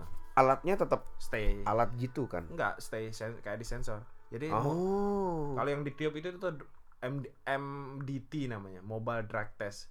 Kalau yang oh itu narkoba kalau yang kalau yang bread test itu BRT gitu, oh drug test. Suruh ngitung sesuatu. 1 sampai 10. Ya, Nah, dia bakalan tahu tingkat berapa persen alkohol kita. Misalnya kita ngitung 1 sampai 2 udah bunyi berarti tingkat alkohol kita tinggi gitu. oh Kalau kita ngomong 1 1 2 3 4 5 6 7 8 9 10 baru bunyi berarti alkohol kita tingkatnya rendah gitu. hmm, Dia ngukur dari kadar suhunya. canggih juga cuy Iya, jadi Oh. kayak sedikit ngomong dengan bread test itu jadi di sini tuh nah kenapa gua suka do Uber karena dan Uber suka bisa dibilang nga- ngasilin banyak duit. Salah satunya ya gara-gara bread test juga. Orang menghindarin bread test karena mereka minum pastinya kan. pakai Uber Nah, makanya di situ Uber, taksi di sini lumayan laku gitu. mantap Dan di sini kayak orang kalau udah minum itu udah nggak boleh nyetir sama sekali. Kalau nggak SIM kamu dicabut Cabut. atau disuspend. iya gitu. iya iya. nice nice Makanya di sini kayak le- transportasi umum gitu kayak Laku. Uber dan lain-lain dan taksi itu lumayan laku keras gitu. iya iya nice Tuh. nice nice eh ceritain dong perjuangan Uber eh ntar ntar pas lu nungguin setahun license tuh lu ngapain ya Kerja daging kan aku sambil oh itu masih daging kerja daging. Pranoto Production tuh ya di tengah-tengah itulah ya Oh, udah keluar maksudnya itu kan sambil sambil sambil. Jadi ceritanya kenapa bisa Uber?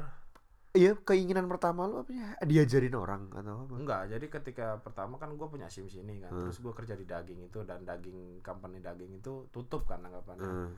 Dan gue masih kerja di Kepikiran. sedap. Hmm. Nah tapi sebelum sebelum daging itu tutup, gue udah kepikiran ngambil mobil waktu itu. emang pengen Pengen ngambil mobil gitu loh, pengen kredit mobil gitu. bukan untuk Uber Sempat kepikiran ke sana juga karena aku mi- sekalian sekalian. Jadi sekalian. aku pengen ngambil mobil buat Uber, terus aku mau lepas kerja dari sedap. Jadi aku punya kerjaan Uber sama di daging. Eh Daging. nggak taunya yang di daging ditutup. Gitu. Hmm. Jadi setelah aku punya SIM full license itu selama setahun, aku coba apply buat Uber. cuman tetap aja sih menurutku kayak kok kok bisa kepikiran Uber tuh siapa?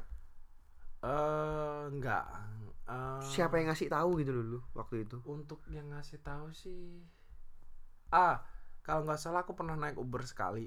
Terus ngobrol-ngobrol. Terus ngobrol sama drivernya terus kayak ya namanya Indonesia orang Indonesia suka kepo lah ya. Ya, uh, jadi tanya berapa penghasilan atau segala Oh, terus dari situ kayak wow man. Boleh juga Uber driver gajinya segitu wow. Gokil sih. Gokil sih gue bilang gitu.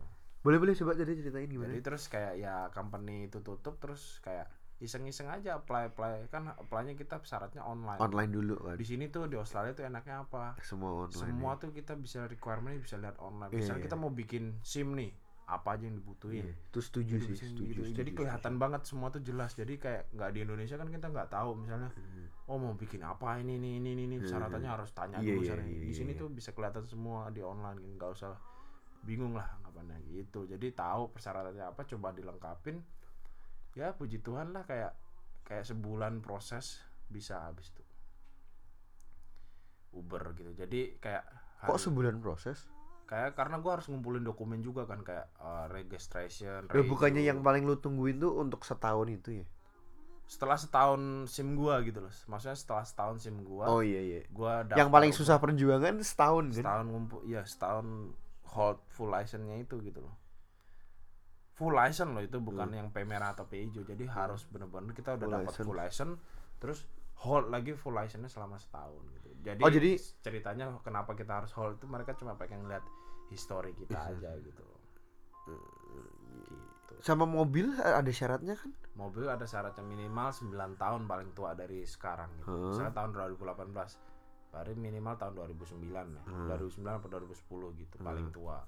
Terus ya nggak boleh yang pesok-pesok gimana. Peyok. Terus Hmm. semua harus kayak mobilnya bisa dibilang safety-nya, seat belt-nya semuanya harus bisa. itu berarti lu bawa ke sana terus mereka orang cek Oh, per tahun kita ada inspection mobil. oh Jadi oke. per tahun kalau kita misalnya tahun sekarang Mei, tahun depan lagi gua inspection Mei lagi gitu. wow keren keren keren keren Jadi ya bisa dibilang Uber ya mungkin pandangan orang Indonesia aku nggak tahu ya kayak mungkin kayak Grab gitu kan ya bisa dibilang kayak sempat pulang Indonesia sempat ngobrol kaji kasihan mereka gitu loh. Beda banget dengan anggapannya Ubernya Australia gajinya tuh jauh banget gitu Sigit di sini bos. Aku pembantunya Sigit.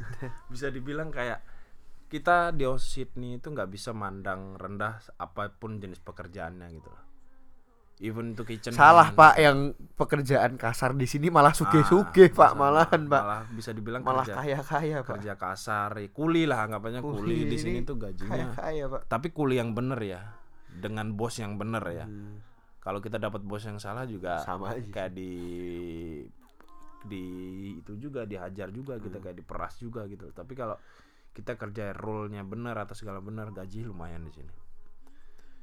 Nice, nice, nice. gitu gitu tapi berarti tadi per, pak perjuangan paling itu ya nungguin license setahun Hmm, terus tapi kalau hmm.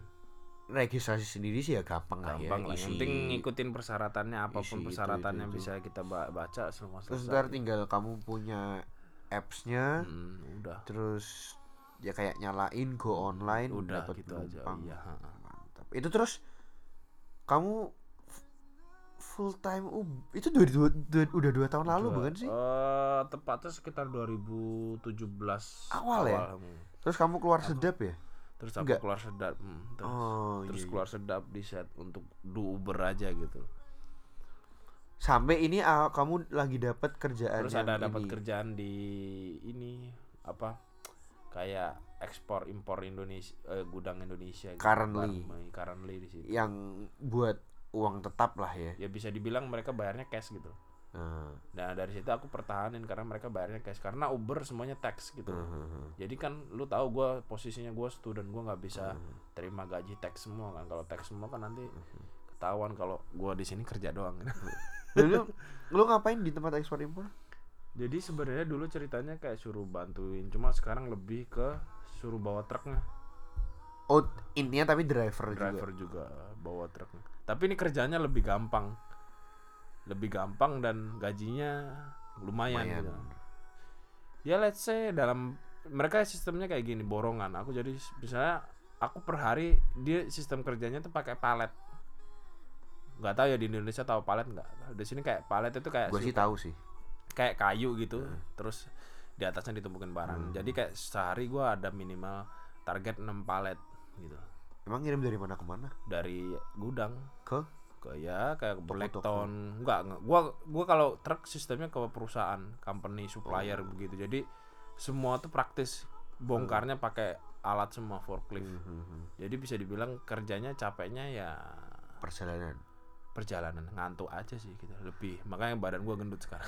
Jadi currently kerja Uber sama itu. Traveling. jadi pagi Uber kayak dari jam 5 pagi sampai jam 9 habis itu baru nyambing ke tempat kerjaan kedua itu bisa dibilang terus sore Uber lagi? Enggak. Oh sore kamu wes paling jam 2 jam 3 udah selesai pulang ke rumah gitu malam free buat istirahat. Tapi kadang kalau lagi butuh duit banyak Yes.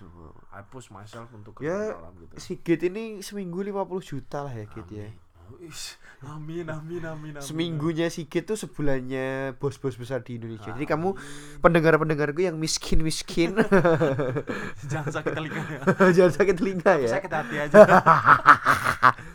Puji Tuhan lah ya, pokoknya Puji berkat Tuhan Tuhan gitu. melimpah. tapi itu semata-mata bukan karena usaha gua tapi itu semata-mata karena Tuhan yang That's it, bro. yang memang mengizinkan semua ini terjadi. Kalau That's it, Tuhan nggak it, mengizinkan kan nggak ma- mana bisa kayak gini tuh Sigit seorang Sigit yang nothing become something gitu loh Amin. Amin amin Tuh, amin amin ya, amin amin. ya gitulah gitu pokoknya. Amin amin amin. ada Kita ada lagi ya kita lumayan sudah di Panjang ya. akhir acara. di akhir acara Di akhir acara eh eh, sebelum gua nggak se- gua udah punya ini kan yang akhir-akhir kan. Cuman sebelum gua ke akhir segmen lu sendiri ada yang random tiba-tiba kepikiran pengen lu ngomong sesuatu. pengen lu share atau buat apa? ya sedikit sedikit cerita ya kayak Lu jangan ke sini dulu. ya sedikit, Jangan, lu jangan sedikit ke sini. cerita kalau bagi temen-temen yang yang ngerasa lu ngerasa kayak nggak mampu. Bukan nggak mampu ya kayak ngerasa lu bukan seseorang yang bisa dibilang ya contohnya bagi gua sendiri ya kayak gua di Australia gua nggak kenal siapa-siapa gua nggak tahu siapa-siapa dan gua nggak bisa bahasa Inggris tapi come on man gua hari ini bisa di sini masih berdiri masih survive di sini man gitu karena That's it. apa salah satu kunci sukses kalau bagi gua tuh adalah lu harus memberanikan diri lu keluar dari zona nyaman. That's it, bro. Karena ketika lu stay di zona nyaman lu, lu nggak akan pernah tahu gimana kayak susahnya cari makan, cari nasi, cari minum, cari apa pun gitu loh. Tapi dari situlah lu akan ngerasa, lu akan merasa di mana lu berat, betapa bersyukurnya lu pernah punya something. Misalnya, oh lu makan misalnya lu makan KFC nih. Ketika lu makan KFC terus gitu loh, lu ya udah kayak ya gue bisa beli. Tapi lu nggak pernah ngerasain anggapnya makan nasi campur atau apa. Dan gimana rasanya nasi campur atau apa gitu. Makanya lu harus keluar dari zona nyaman lu ke zona orang lain. Dalam arti lu harus bergaul. Lu harus punya connect connect apa namanya? Si. harus punya koneksi dan harus punya banyak teman gitu loh. dan salah satu kunci gua juga kunci sukses gua lu harus punya banyak teman karena di salah memang kita punya banyak temen tuh ada plus minusnya ya. Maksudnya ada baik ada buruknya. Cuma lu juga harus pintar-pintar milih teman anggapnya juga sem- bukan sembarang orang jadi temen gitu. Tapi di dari temen itulah lu punya punya kesempatan buat kenal orang yang lu nggak akan pernah bisa kenal dengan cara lu sendiri gitu. Loh gue bisa kenal misalnya bisa dibilang dengan Ko Iwan yang bisa dibilang Iwan Sunito mungkin beberapa ada yang tahu seorang CEO Crown Group gitu. Gue siapa men? Sigit men dan setiap dia ketemu gue dia ingat sama gue ya itu berkat teman gitu loh. Orang kenalin aku oh ini ini ini ini gitu loh gitu. Makanya dari situ kayak kayak teman itu penting gitu loh. Bukan dalam arti lu take for granted dari temen lu ya tapi dari temen lu itu lalu membangun kayak komunitas membangun kayak eh, persahabatan. Dan lu bisa sharing juga oh gue butuh kerja nih butuh apa nih? Dari situ juga lu bisa dapat kerjaan itu kalau di Sydney ya kalau di Indonesia aku nggak tahu cuma kalau hidup di Sydney itu jujur lu harus punya banyak temen gitu Ya, No pain no gain lah ya. no pain no gain no Kerja pain, harus no kerja gain. keras. harus kerja keras dan di sini juga itu. hidup kita dengan di Indonesia tuh jauh beda banget gitu loh karena mungkin bagi orang Indonesia yang udah sampai Australia itu perbedaannya ya gue nggak bisa bilang sih. Tergantung orang juga dia di Australia ngapain juga gitu. Ha. tapi most likely itu jauh ba- banget. Sistem kayak dari bangun aja udah beda gitu. Bangun pagi terus ngapain bangun. Di sini di Australia kita bangun pagi udah wah jam berapa nih? oh gue harus kerja gue harus ke sana harus sini. Di Indo kan wes bangun nyantai bangun anggapannya di rumah. Ada mbak ada yang nyiapin makanan ada yang nyuciin mobil atau apa. Di sini semua harus kita lakukan sendiri gitu. Jadi kita harus benar-benar mandiri. Punya mbak mahal. di sini punya mbak mahal. Mahal. satu jam berapa ya? Orang kata sewu. atau sewu itu aja paling murah udah gitu. Di sini anggapannya semua harus lakukan sendiri cuci baju apa semua pun sendiri. Jadi bener-bener nice. di sini tuh di Australia itu salah satu momen di mana gua harus kayak Mandiri. mandiri gitu loh. Apa apa harus sendiri gitu loh. Lu harus mikir sendiri. Apalagi lu anggapannya udah harus semuanya harus sendiri ketika lu udah punya cewek terus lu putus wah. Teriris-iris man semuanya kan gitu dan lu harus bangkit sendiri harus punya isu lu harus nangis nangis sendiri gitu loh. Kayak semua aduh nggak gampang men di Australia tapi dari nggak gampang itulah lu bisa menatap masa depan gitu. Mantap. Shedap, shedap, shedap.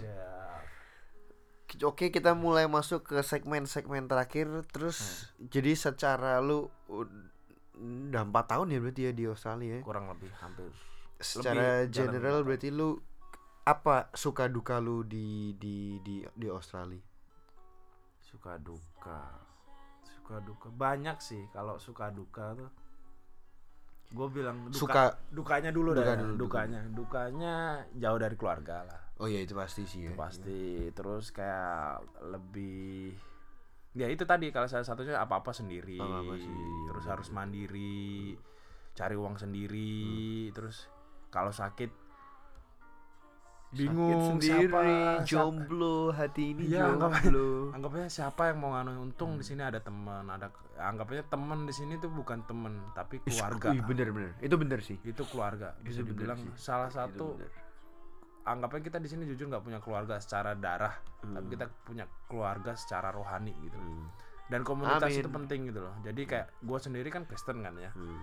dan gue eh kayak bergaul di komunitas orang Kristen jadi Hmm.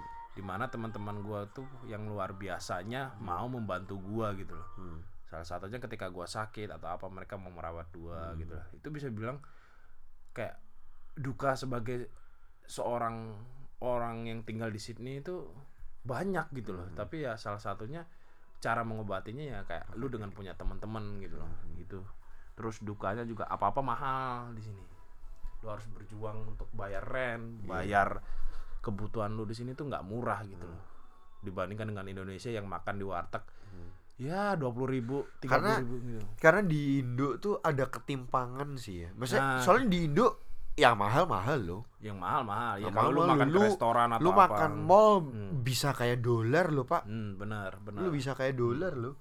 tapi kalau ya kalau Soalnya di ya itu di Indo tuh ketimpangan. ketimpangan sosialnya kelihatan banget Ada yang ada yang maksudnya ada profesi di Indo yang gaji lu cuma kayak satu jamnya di sini kayak Hmm. nggak bisa dibandingin sih tapi if you know what I mean maksudnya ada orang-orang yang gajinya puluhan juta tapi timpang banget ada yang ada yang gajinya bener-bener sampai ratusan ribu doang gitu. Hmm, dan ya sama barang juga lu ada restoran yang sekali makan 200 ribu tapi ada warteg yang Sekali- gua nggak tahu kalau Jakarta ya kalau Semarang sih makanan 20 ribu tuh masih bisa lah. Oh di Banyuwangi delapan ribu. Banyuwangi bener. Iya, bener. makanya kayak ya dukanya ya seperti Itu, ya bener, apa apa mahal dan ya lu harus hidup apa apa sendiri gitu. Kalau sukanya sih ya lu belajar banyak sih. belajar banyak sih di Banyak banget banyak banget yang bisa dibi yang Kayak nggak nyesel kan ke Australia? No no nggak ada penyesalan tidak ada penyesalan jadi salah satunya gue bisa ketemu Ravelo juga itu salah satu suka that's it that's it that's terus it ketemu teman-teman seiman terus ketemu orang-orang yang yang yang gua nggak tahu bisa ketemu kapan gitu lah anggapannya kayak gitu ketemu artis ketemu menteri bahkan dulu tahun ini ya Iya tahun ini. Tahun ini. Jujur gue kemarin sempat ada kerjaan. Meskipun gue driver, gue pernah driverin. Bukan maaf ya, bukan gue sombong. Jadi udah salah, apa nyombong aja jadi jadi salah, pendengar-pendengar yang miskin jadi, jadi jadi salah satu prestasi ya bisa dibilang prestasi lah ya. prestasi bosku Prestasi itu gue pernah nyetirin menteri ketika waktu itu ada Presiden Jokowi bersama para menterinya datang ke Sydney itu. Gitu. Terus kedua Menteri apa? Menteri Perdagangan. ayo pak siapa Enggar Lukita. Hai, Kagak salah. untung untung. salah ya. Untung. Jadi gue sempet nyetirin. kenapa kamu bisa yang dipilih Ah, kebetulan gue kerja di gudang warehouse Indonesia. Nah, bosnya itu kayak hopengnya orang konjen gitu loh. oh Nah, terus kayak orang konjen itu kan bos gue kan kayak per- di perdagangan kan. Kayak bos gue tuh kayak disuruh serve ini menteri gitu loh. Suruh nyewain mobil atau apa segala macam gitu loh. Terus cariin driver yang Lu. pengalaman gitu loh. Eh bos gue tanya gue, lu mau gak nyetirin menteri? Mau. Ya, siapa yang ma nggak mau kan anggapannya gitu. Kapan lagi? Even nggak, ya even jangan even nggak dibayar juga lah ya nggak. Maksudnya even dibayar murah juga gue nggak apa-apa gitu loh. tapi dibayar super tinggi kan Ya, puji Tuhan lah ya. hey, hey. Puji Tuhan waktu itu juga ya di itu makanya kenalan sama menterinya sempat ngobrol juga orang mana segala macam gitu. Terus yang kedua bawa itu di root Pertamina juga Hmm. sama di root sales and marketingnya Pertamina gitu sempat bawa jalan-jalan. Malah itu waktu itu sempat jalan-jalan sekali sama mereka. Ke Blue Mountain itu sempat nginep. Bos. Satu malam itu. goks sikit Gitu. pulang langsung megang Pertamina lah. Amin amin amin. Itu Wah. sih. kowe nek nyetiri Jokowi waktu itu dredeg ya mungkin sok nggak bisa. Kalau aku kemarin sempat tanya kalau Jokowi kalau kepala presiden atau perdana menteri yang datang ke Australia itu pasti yang bawa dari Indo yang nge-serve itu pasti dari pemerintahan sini. Dari pemerintahan Australia gitu. Jadi yang kayak nyediain prasarana pasti dari mereka gitu. Berarti supirnya bule? Boleh ya tapi Wih, kalau gokil. Tapi kalau gokil. kayak, kalau kayak menteri atau kayak apa anggota Oh, iya, dewan iya. gitu Itu, pasti yang oh, iya, iya, serve iya, iya. ke orang konjen gitu loh. Iya iya iya. Tapi kalau udah presiden mainnya itu pasti dari pihak Australia sendiri gitu. Nah sampai mana kita tadi sampai Saya sukanya su- sukanya. suka, ya, suka. ya itu salah satu gue pernah pernah nyetir menteri dan gue bisa ketemu teman-teman dan gue bisa lebih kenal lagi sama Tuhan di Sydney. That's it. Lebih dekat lagi. karena lah jujur ya. waktu di Indonesia meskipun gue Kristen ya gue ya taunya Kristen Kristen ya bisa dibilang Kristen KTP lah gitu. ya gereja-gereja biasa. Cuma di sini gue lebih kayak menaruh harapan gue semua ke Tuhan. Karena Amin. apa karena gue jauh dari keluarga jauh dari teman-teman gue dan gue punya teman di sini doang dan kayak gue ngerasa kayak gue nggak punya siapa-siapa men gue punya Tuhan gitu loh jadi kayak gue menaruh pengharapan gue ke Tuhan dan teman-teman gua di sini juga ah, semuanya kayak saudara seiman Hmm. dengan jadi kayak mereka kayak lu kalau ada apa-apa doa sama Tuhan ingat lagi sama Iya. Tuhan apa pun semua tuh balik ke Tuhan gitu loh Hmm, semua. jadi di sini jujur kayak sukanya tuh lebih bisa deket lagi sama Tuhan gitu Tuhan kayak nunjukin jalan semuanya di sini sedap sedap Iya. sedap banyak sih kalau cerita suka ya karena duka pun bisa tiga episode ya mbak ya tiga episode Eh. kalau ngomongin suka beh.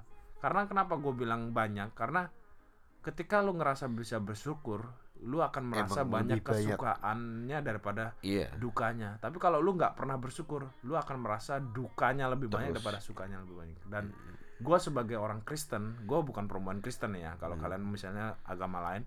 Karena gue sebagai orang Kristen Tuhan tuh ngajarin Tuhan gue ngajarin gue tuh untuk bersyukur. Hmm. meskipun ya contoh salah satunya kayak bangun tidur lu men bangun tidur bisa nafas. Bayangkan orang yang udah apalagi sedikit abis sakit ya ya. nah.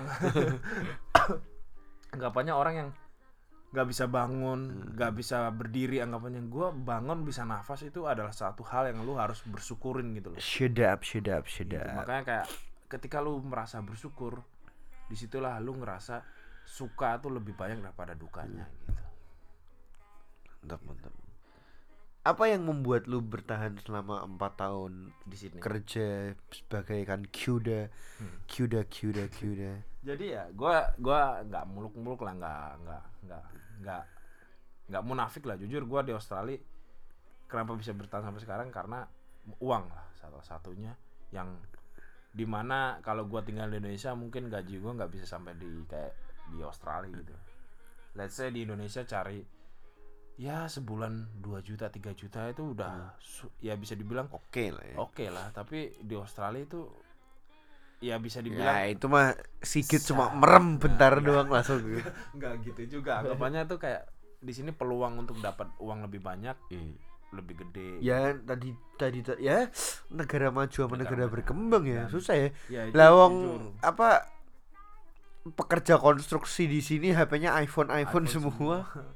dan ya jujur itu terus kemudian juga pergaulan terus komunitas Iya, di sini komunitas juga. karena di penting sini sih kayak ya. penting karena bagi gue sendiri ngerasa ya mungkin di Indonesia tuh karena Karena lu semua orang Indo kali nggak sih?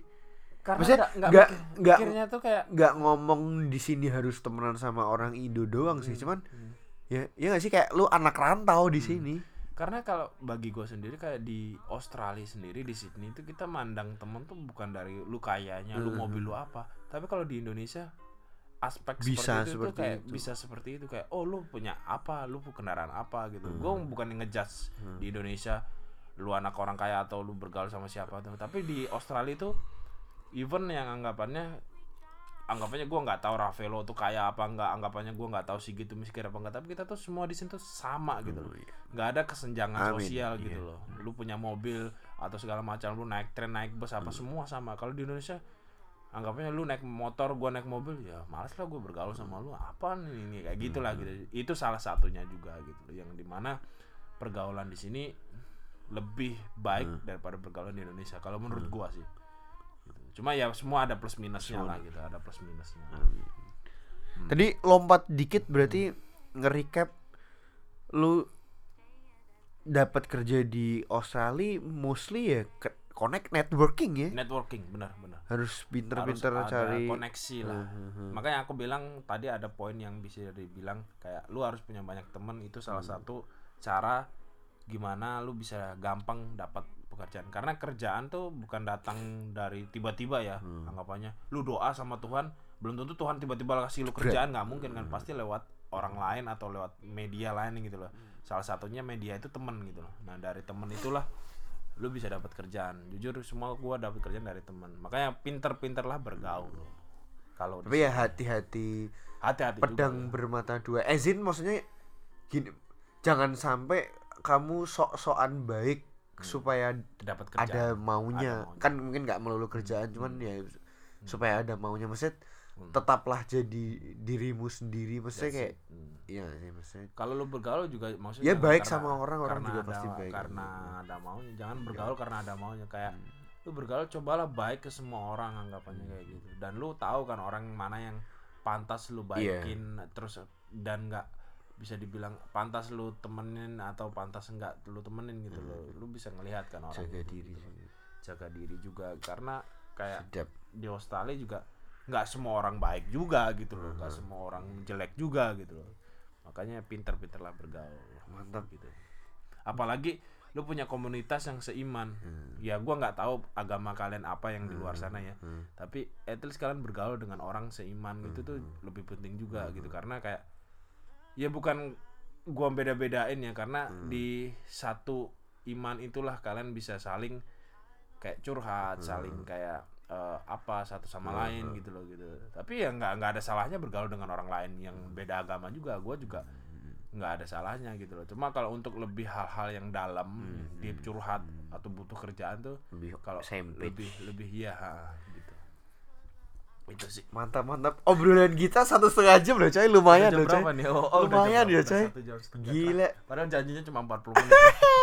gila seru banget. Thank you banget Sigit. Ada pesan-pesan terakhir atau Eh, pesan terakhir tetap bagi gua sih kayak buat teman-teman yang dengerin ya ini ya. Hmm. Kayak tetap semangat jalanin hari kalian jangan wih ngerasa gokil jangan ngerasa kalau amin ada yang mau dengerin Eh, gue jangan- gue promosi di mana ya gitu di grup di Aussie boleh, Indo iya. gitu-gitu beban gak sih gue ntar deh coba gue post-post gitu Gua belum selesai nih. eh monggo monggo monggo Jadi pesan gua sebagai seorang Sigit yang bisa dibilang bersyukur atas hidupnya kayak gua bilang gimana pun kalian tetap balik ke Tuhan gitu. Jadi maupun kalian udah sukses belum sukses atau lagi merintis usaha atau lagi berusaha atau semua ingat kalian semua tuh harus balik ke Tuhan doa gitu. Penting gitu. Kom- bangun komunitas kalian dengan Tuhan kalian gitu. Itu salah satu kunci sukses.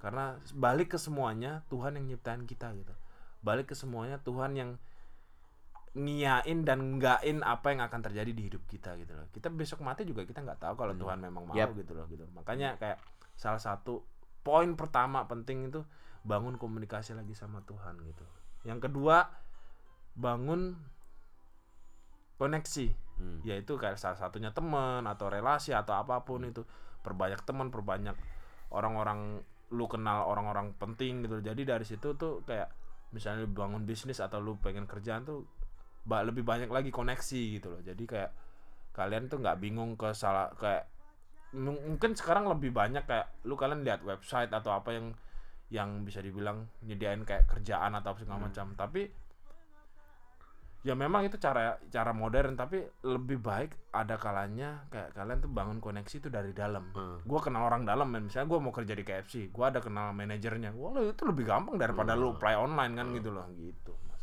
Iya sih, itu pasti sih. ke depannya kayak semangat terus jalanin hidup karena hidup itu luar biasa. Karena hidup jangan itu indah. ya, karena hidup itu indah. Jangan kalian ngerasa hidup itu kok gini-gini terus atau hidup kalian susah. Yang bikin susah tuh sebenarnya kalian Jadi sendiri kalian- gitu. Bener-bener. Atau gengsi kalian Buset, yang bikin jadi podcast dakwah ya ini ya. atau gengsi kalian gitu. Sebenarnya hidup itu kayak sederhana lah. Anggapnya itu sebenarnya apa pun yang kita punya sekarang, apa pun yang kita miliki itu bersyukur lah. Hmm. Dan ketika kita merasa bersyukur, di situlah kita akan merasa cukup. Amin.